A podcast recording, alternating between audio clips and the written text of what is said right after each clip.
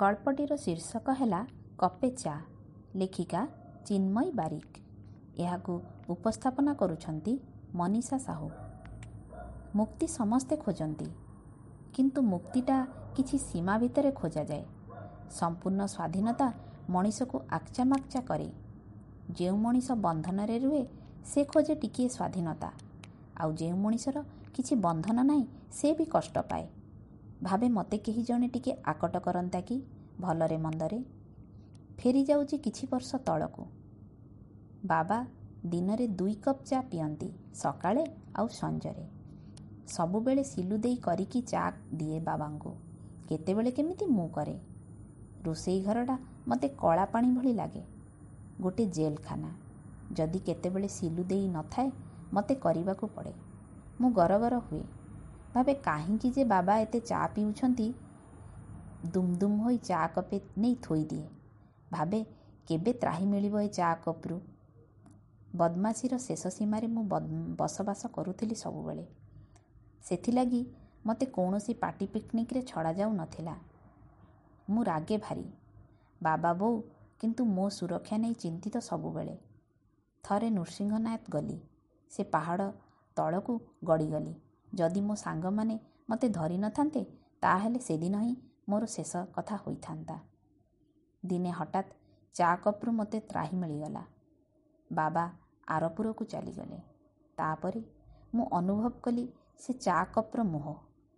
କେହି କୁହନ୍ତା କି ଚା କପ୍ ତିଆରି କର ବୋଲି। ଯେଉଁ ଜାଗାରେ ମୋତେ ମୁକ୍ତି ମିଳିଛି ସେଇଠି ହିଁ ମୁଁ ଖୋଜୁଛି ବନ୍ଧନର ମୁହଁ। ଘଣ୍ଟା ଘଣ୍ଟା ସେ ଚା କପ୍କୁ ହାତରେ ଧରି ବସିଛି ଆକାଶକୁ ମୁହଁ କରି।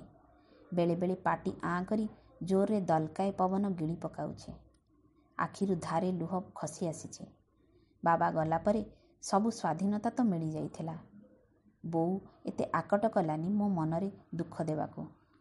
ପାଠ ପଢ଼ିବାକୁ ମୁଁ ଘରଠାରୁ ଦୂରରେ ରହିଲି। ପ୍ରଥମ ଦିନ ହଷ୍ଟେଲରେ ନେଇ ବୋଉ ଛାଡ଼ି ଦେଇ ଆସିଲା। ଖୁବ୍ କାନ୍ଦ ଲାଗିଲେ ବି ସବୁ ଗିଳି ପକାଇଲି। ମନରେ ଉତ୍ସାହ ଥିଲା। ଏବେ ବି କିଛି କଟକଣା ନାହିଁ। ମୁଁ ସ୍ୱାଧୀନ ହିଁ ସ୍ୱାଧୀନ। ବୋଉ କିନ୍ତୁ ବଡ଼ି ଡବା ଭିତରେ ଖଣ୍ଡେ କାଗଜରେ ଲେଖି ପୁରାଇଥିଲା। ତୁ ଏବେ ନିଜ ନିଜେ ନିଜର ଅଭିଭାବକ। ମୁଁ ଦୂରରେ ସବୁବେଳେ ଆଉ ଆସିପାରିବିନି। ନିଜ ନିଷ୍ପତ୍ତି ନିଜକୁ ନେବୁ। ବଡ଼ ହେଲୁଣି ବା ବୋଉର ଚିଠି ପଢ଼ି ଟିକେ ଅଣନିଶ୍ୱାସୀ ଲାଗୁଥିଲା। ନିଜ ଇଚ୍ଛାରେ ଜିଇଁଲି ଭାରି ଖୁସି ଥିଲି। କିନ୍ତୁ ଏ ଖୁସି ବେଶୀ ଦିନ ରହିଲାନି। ଯେତେବେଳେ ମୁଁ ଦେଖିଲି ମୋ ସାଙ୍ଗମାନଙ୍କର ବାପା ଭାଇ ସେମାନଙ୍କ ପାଖକୁ ଆସନ୍ତି। ସବୁ କଥାରେ ଆକଟ କରନ୍ତି। ଏଇଟା କରିବୁନି ସେଇଟା କରିବୁନି ଏମିତି କଥା ଅନେକ କଥା। ମୁଁ ଅସ୍ଥିର ହେଲି ଭାରି। ସତରେ କ'ଣ ଖୋଜୁଥିଲି ମୁଁ? ମୁକ୍ତି ନା ବନ୍ଧନ? ନିଜେ ଜାଣେନି। ସେଦିନ ପିକନିକ୍ରେ ଯିବା ଲାଗି ନାମ ଦିଆଯାଉଥିଲା। ଝିଅମାନଙ୍କର ଅଭିଭାବକମାନଙ୍କୁ ମ୍ୟାଡ଼ାମ୍ ଫୋନ୍ କରି ଅନୁମତି ମାଗୁଥିଲେ। କେତେ ଅନୁରୋଧ ପରେ ବି କେତେ ଅଭିଭାବକ ରାଜି ହେଉନଥିଲେ ମୋ ଯିବା କଥା ପଚାରିଲେ ମୁଁ ହଁ କହିଥିଲି। କାରଣ ମୁଁ ମୁକ୍ତ ଥିଲି। ମୋ ନିଷ୍ପତ୍ତି ମୋ ହାତରେ ଥିଲା। ହଷ୍ଟେଲକୁ ଫେରି ବହେ କାନ୍ଦିଥିଲି। କେହି ଜାଣିପାରିଲେନି ମୁଁ କାହିଁକି କାନ୍ଦୁଛି। ବୋଧହୁଏ ମୁଁ ଖୋଜୁଥିଲି ବାବା ବୋଉଙ୍କର ସେଇ ଆକଟ ଆଉ କଟକଣା। ମୁକ୍ତିଟା ବି ବେଳେବେଳେ ଖୁବ୍ ଯନ୍ତ୍ରଣା ଦିଏ ବାବା।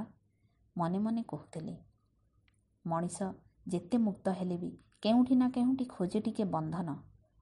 ଯେତେ ବଡ଼ ମଣିଷ ହେଲେ ବି ମଥା ଉପରେ ଖୋଜେ କାହାର ହାତ। ସମ୍ପୂର୍ଣ୍ଣ ମୁକ୍ତି ମଣିଷକୁ ବଞ୍ଚିବାକୁ ଦିଏ ନା। ଏହା ହିଁ ସତ୍ୟ।